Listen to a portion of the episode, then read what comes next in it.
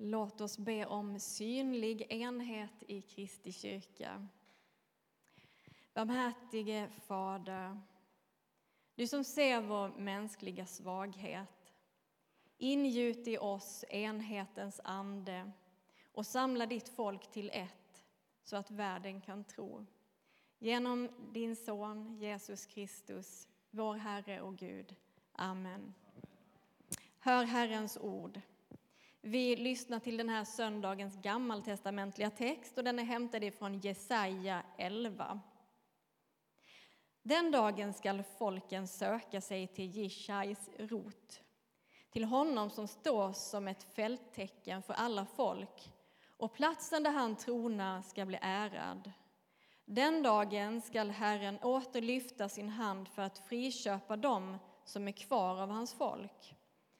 De som är kvar i Assyrien och Egypten, Patros och Kush, Elam, Sinhar, Hamat och kustländerna. Han ska höja ett fälttecken för folken, förena de skingrade av Israel och samla de kringspridda av Juda från jordens fyra hörn.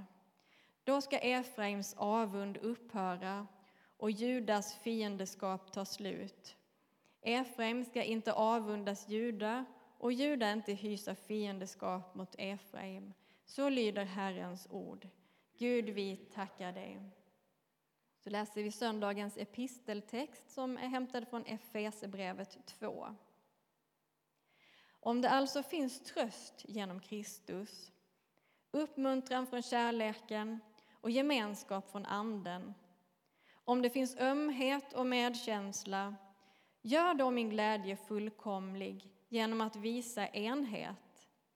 Lev i samma kärlek, eniga i tanke och sinnelag, fria från självhävdelse och fåfänga. Var ödmjuka och sätt andra högre än er själva. Tänk inte bara på ert eget bästa, utan också på andras. Låt det sinnelag råda hos er som också fanns hos Kristus Jesus så lyder Herrens ord. Gud, vi tackar dig. Upplyft era hjärtan till Gud och hör dagens heliga evangelium enligt evangelisten Lukas. Lärjungarna kom att tvista om vilken av dem som skulle anses vara den störste. Då sa han till dem, kungarna uppträder som herrar över sina folk och de som har makten låter kalla sig folkets välgörare. Men med er är det annorlunda. Den största bland er ska vara som den yngste och den som är ledare ska vara som tjänaren. Vem är störst? Den som ligger till bords eller den som betjänar honom? Är det inte den som ligger till bords? Men jag är mitt ibland er som er tjänare. Så lyder det heliga evangeliet.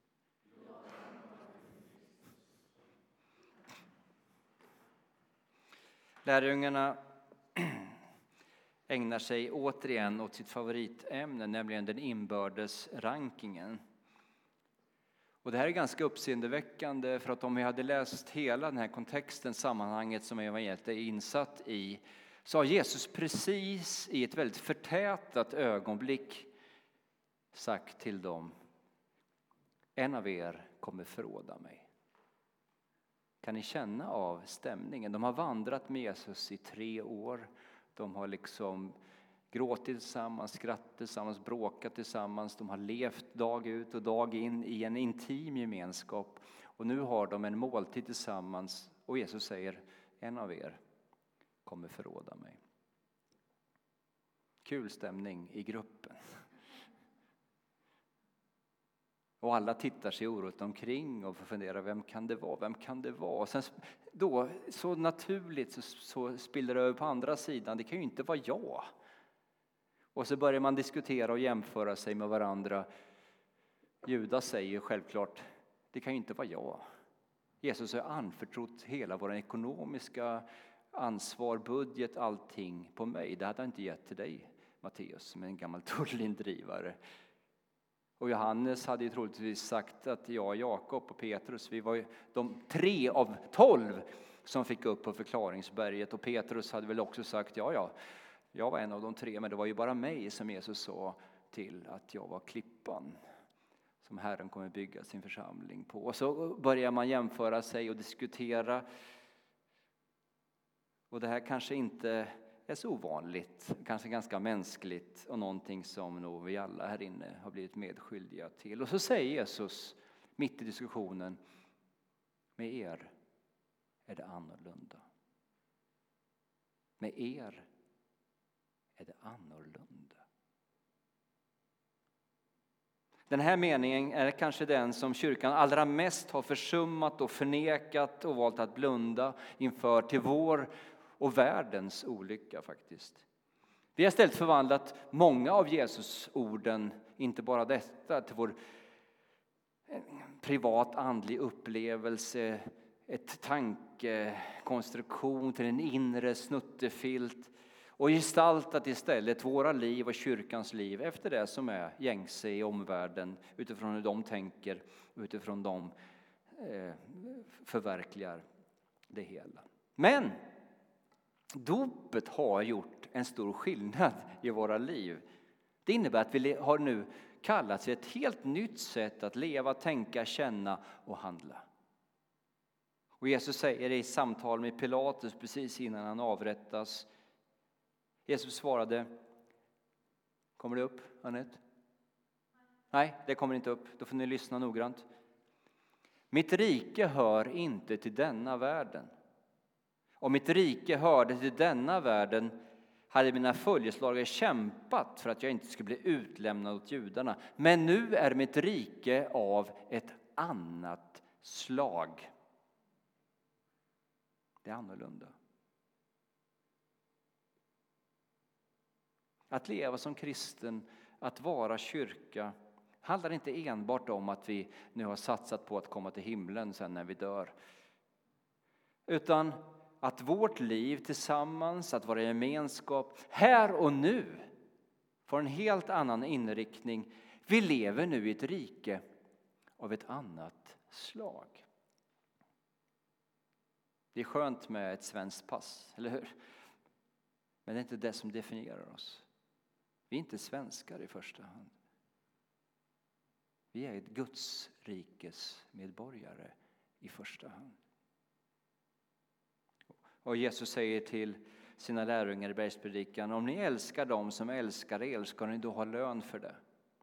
Gör inte tullindrivarna likadant. Om ni hälsar vänligt på era bröder och systrar och bara på dem, gör ni då något märkvärdigt? Gör inte hedningar likadant. Alltså att bara vara allmänt schysst och vara allmänt trevlig, säger Jesus, det är inte utmärkande för det annorlunda riket. Han säger istället, var fullkomliga, så som er himmelske fader är fullkomlig. En annorlunda väg, ett rike av ett annat slag. Att vara kristen, det här är inte så kul. va? Vem vill vara annorlunda? När man kommer in i en ny arbetsgemenskap, fått ett nytt jobb eller kommit till en ny skola, då vill man inte sticka ut. Man vill anpassa sig, man vill vara en del av gruppen. Och så kallar Kristus oss till att odla en annan slags kultur, leva efter andra värderingar, vara en annan slags människa, gestalta ett annat slags samhälle. Vårt samhälle och den tid vi lever i nu, de lever, vi lever felvänt. Och vad den helige Ande vill göra i våra liv, det vi kallar helgelse, det mynnar ut i ett rättvänt liv som blir ett hoppets tecken för världen och en försmak på det rike som en dag ska genomsyra hela världen. Att följa Jesus är att gå den smala vägen, säger han. Och det är en, en väg som inte så många väljer. Att vara kristen det är att leva i minoritet, i opposition och i motvind.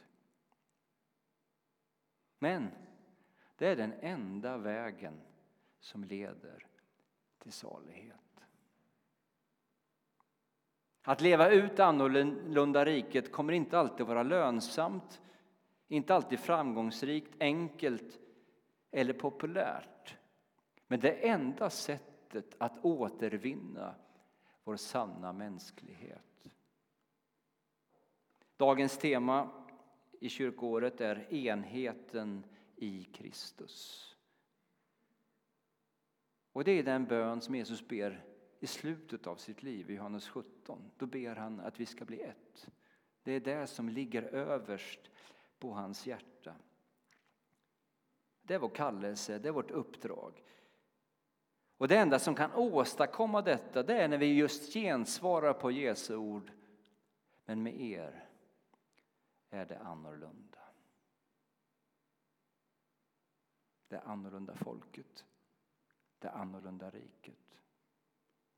Paulus skriver i dagens epistel till troende i Filippi. Han vill visa på här en väg som formar en gemenskap som lever just i fred, i enhet. För han har fått rapporter om det är en begynnande konflikt i församlingen. Troligtvis är det två starka kvinnor i ledarpositionen, Evodia och Syntyke, som inte drar jämnt. Och där börjar nu församlingen riskera att splittras. Du vet, det blir lätt uppstå lojaliteter och man börjar leva ut det vanliga, det gamla sättet att hantera konflikter och gemenskap och så vidare. Men då säger Paulus, det finns vägmärken som ni kan följa som församling kan orientera sig efter. En väg som förkroppsligar enhet, förkroppsligar frid. Men det är tyvärr för vår del den annorlunda vägen. Och han ger fem stycken liksom vägmärken, orienteringspunkter för att hur ska vi bygga en gemenskap, en församling, ett liv där enhet och, och, och eh, frid råder.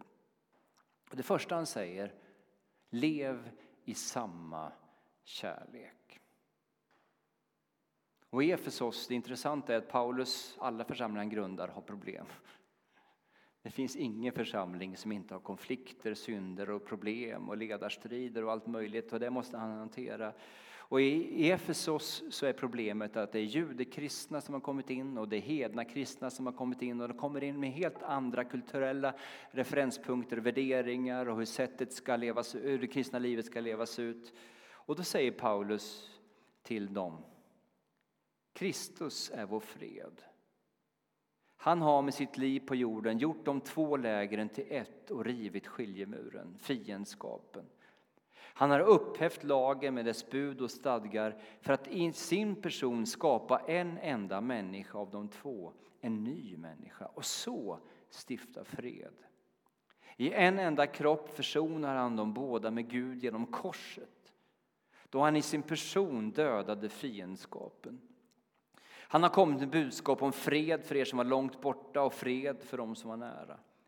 För genom honom kan både vi och ni nalkas Fadern i en enda ande. Alltså är ni inte längre gäster och främlingar utan äger samma medborgarskap som de heliga och har ert hem hos Gud. Ni har fogats in i den byggnad som apostlarna och profeterna till grund och Kristus Jesus själv till hörnsten. Genom honom hålls hela byggnaden ihop och växer upp till ett heligt tempel i Herren. Genom honom fogas också ni samman till en andlig boning åt Gud. Vad är det som förenar oss? Jo, det är Kristus. Det är hans kors. Det är den översvallande, överraskande, oförtjänta, villkorslösa, som vi sjöng om, kärleken. Och de Gud har välkomnat kan inte vi säga nej till. alltså när vi personligen förstår, det är det här som är problemet, att vi inte riktigt förstår, omfattar, känner och erfar evangeliets fantastiska budskap när det landar i vårt eget hjärta, då kan vi inte sluta oss. Stänga ute andra eller nedvärdera andra troende syskon. Det är därför vi har syndabekännelsen varje söndag, för vi inser vad det som förenar oss. Och vi är alla syndare. som oförtjänt genom Guds nåd och utväljande införlivats i samma kropp. Vi väljer inte våra syskon. Oj, tänk om jag hade fått välja mina storebröder. Då hade jag valt bort dem alla dagar i veckan. Hur många hade valt bort sina syskon? Det är bara jag som har dysfunktionell familj. Då. Ehm, men så är det, vi bara vaknar upp till en verklighet där vi får acceptera dem som finns där. Och de Gud frälser är människor som vi inte alltid gillar, som vi inte anser borde få vara med. Det är syndare som kommer såra oss, irritera oss och bete sig på ett sätt som vi inte tycker är okej. Okay. Men Jesus drar in och söker efter dem som han älskar. Och denna mångfald som han älskar kommer att chockera oss och störa oss. Alltså vi tycker ju att Jesus är väldigt snäll och gullig när han äter med tullindrivare och syndare, eller hur? Vi tycker så här, vad härligt, vad fint. Vi fattar inte vad han gör. Vi fattar inte kulturen, vi fattar inte teologin. Vi är mera fariséerna. Skulle vi varit där så skulle i alla fall jag och de flesta här inne varit en farisé. Som reagerar, reagerar med bestörtning på det här opassande och farliga i en sån inkluderande gemenskap. Saltaren 1 säger saliga är de som inte sitter där bespottarna, hädarna, de gudlösa sitter. Och var sitter Jesus? Han bryter mot psalm 1. Hallå? Det är bara att tänka lite på det politiska klimatet just nu. Hur många som reagerar på att borgarna vill ha ett samarbete med Sverigedemokraterna. Det här är inget politiskt inlägg, jag vill bara skicka med det. Men just själva känslan som kryper in. Ni kan ju inte släppa in dessa i värmen. De står ju för en fascistisk politik, de står ju för det och det och det. Det var det som fariseerna kände. Hur kan du Jesus umgås med tullindrivare och syndare som inte bara är hemlösa och, och utsatta och ensamma. De står ju tvärt emot allt det som Gud vill. Och Jesus sitter där och skålar med dem. Hallå? Vilken sida hade du stått på? Vad hade du skrikit?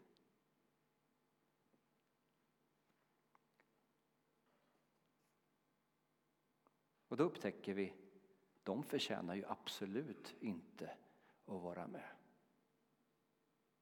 När evangeliet träffar oss så känner vi, inte jag heller.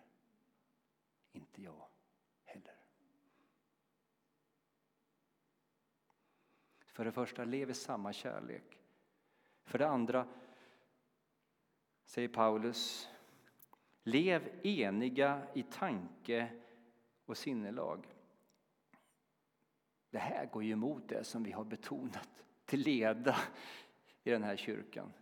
Vi är ingen åsiktsgemenskap. Vi är en bordsgemenskap, har vi sagt. Vad menar Paulus? Handlar enhet till slut om att vi alla här inne tycker lika i alla teologiska detaljer och uppskattar alla olika gudstjänstmomenten fullt ut. Nej, det är inte Guds kreativa värld.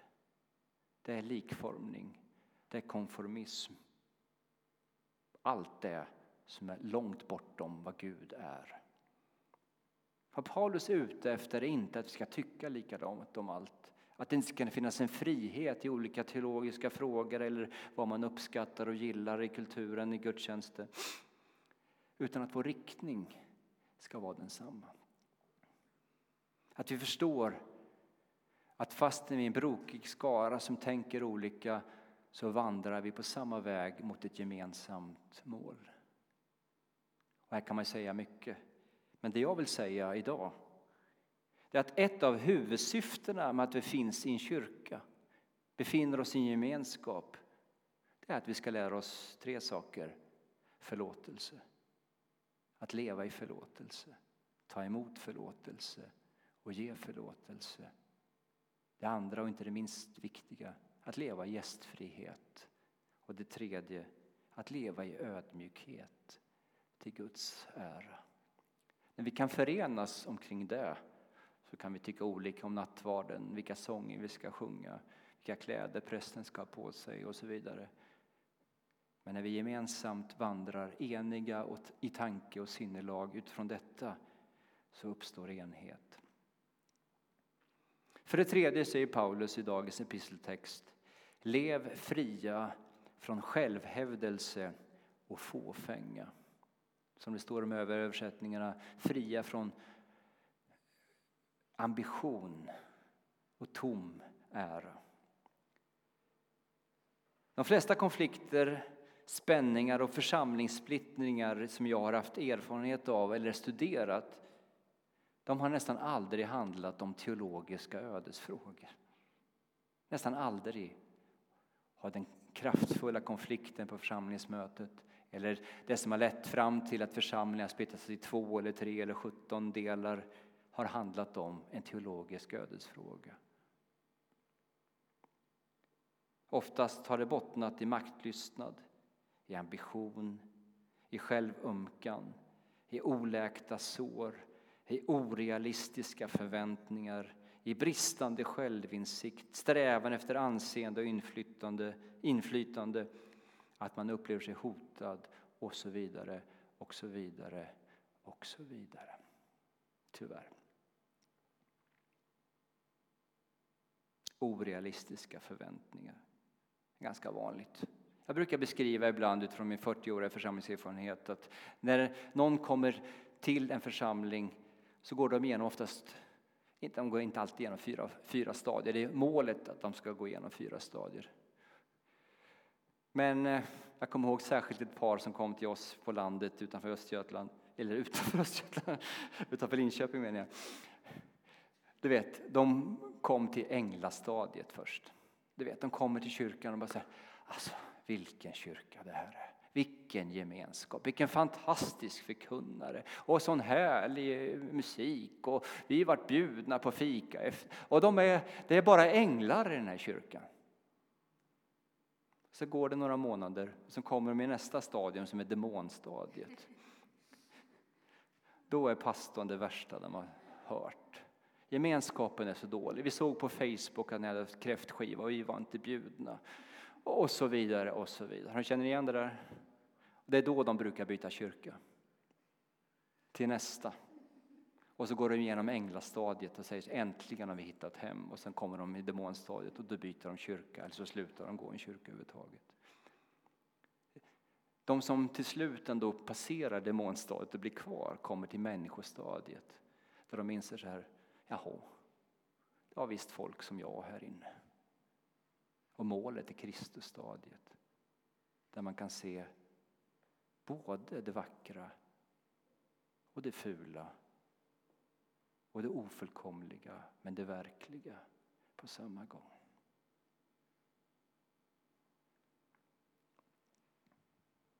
Så många konflikter har handlat om oläkta sår. Där man fick inte vara med i den gruppen som hade önskat, kanske inte fick sjunga i lovsångsteamet och så dyker det upp det här obearbetade från barndomen där man alltid har känt att jag blir alltid utsorterad. Eller vad det nu kan vara. Men ett råd då är att när man märker hur irritationen stiger inom mig när jag känner mig förfördelad eller utanför, kanske det första steget kan vara att reagera på sina egna reaktioner.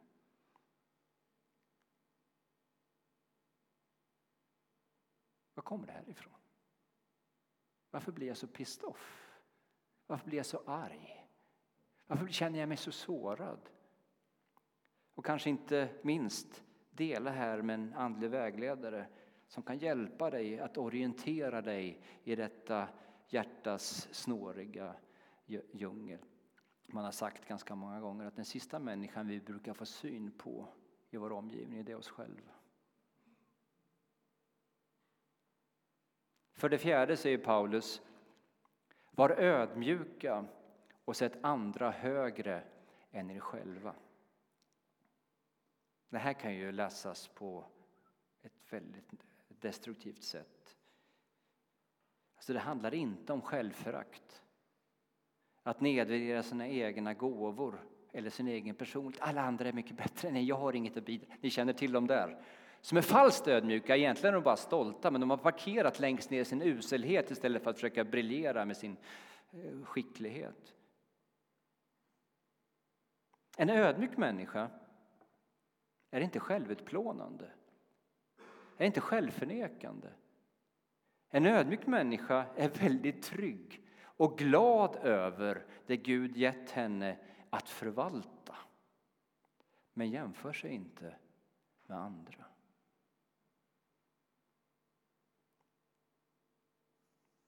Och det jag har märkt under åren det är att platsen att få tjäna andra, uppmuntra andra, välsigna andra, den platsen är oftast ledig.